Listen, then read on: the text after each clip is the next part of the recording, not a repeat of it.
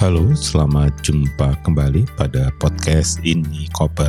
Saya Dani Wahyu Menggoro dari Inspirasi Tanpa Batas atau Inspirit.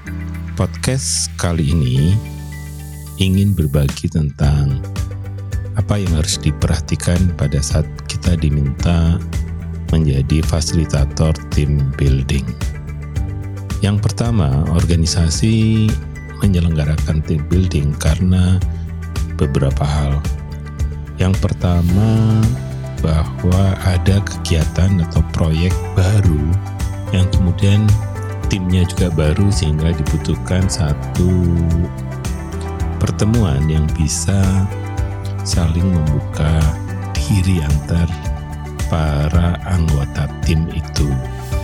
Yang kedua, bisa jadi organisasi semula kecil kemudian menjadi besar sehingga mereka jarang sekali saling bertemu bahkan makin tidak mengenal satu sama lain karena memang jumlahnya semakin besar.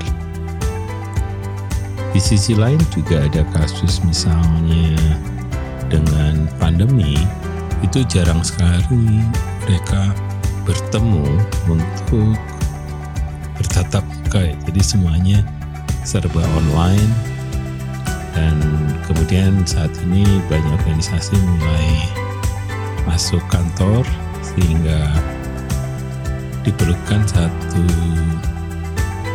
pertemuan yang memungkinkan mereka membicarakan hal-hal yang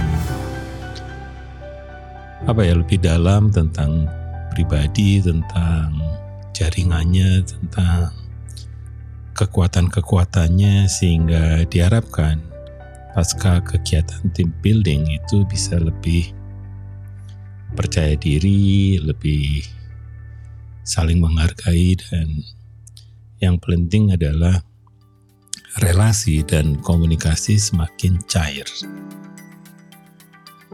Nah, tim building yang kita bangun itu bisa ada dua dua cara ya. Cara yang pertama biasanya karena banyak organisasi itu yang meminta tim building biasanya berada di kota sehingga tim building harapannya tidak sama dengan apa yang sehari-hari di kota mereka memilih kegiatan outdoor di luar kota harapannya suasana baru kemudian juga lebih apa bebas dari hal-hal yang kaitannya dengan kantor. Tapi juga bisa kita buat indoor untuk apa banyak hal ya. Salah satunya adalah memang ada cuaca misalnya saat ini musim hujan dan juga banyak apa banyak gangguan juga.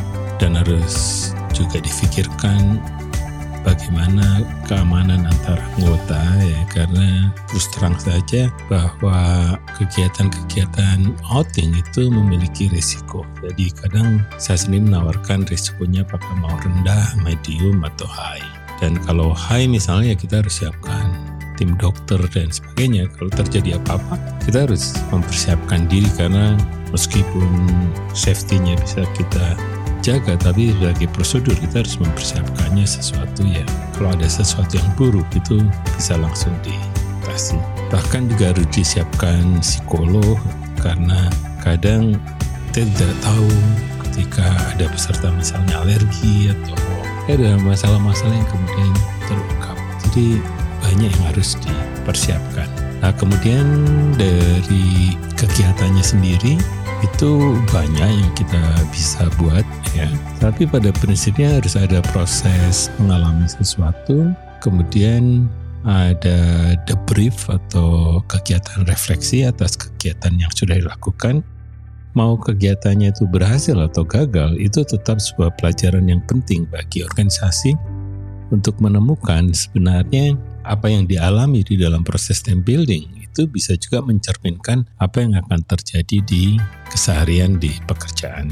Jadi kedalaman debrief atau refleksi atau pengendapan itu menjadi sangat esensial di dalam kegiatan team building.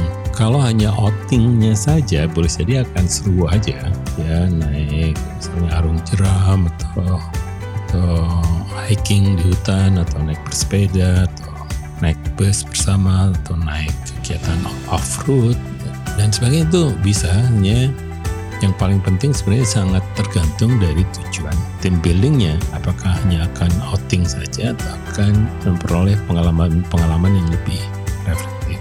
Jadi itu saja tips dari saya tentang bagaimana kalau kita diminta merancang sebuah tim building bagi sebuah organisasi. Demikianlah isi koper kali ini kami di ini koper percaya bahwa berbagi apa saja bisa bermanfaat bagi kami di komunitas perubahan. Sampai jumpa pada edisi berikutnya.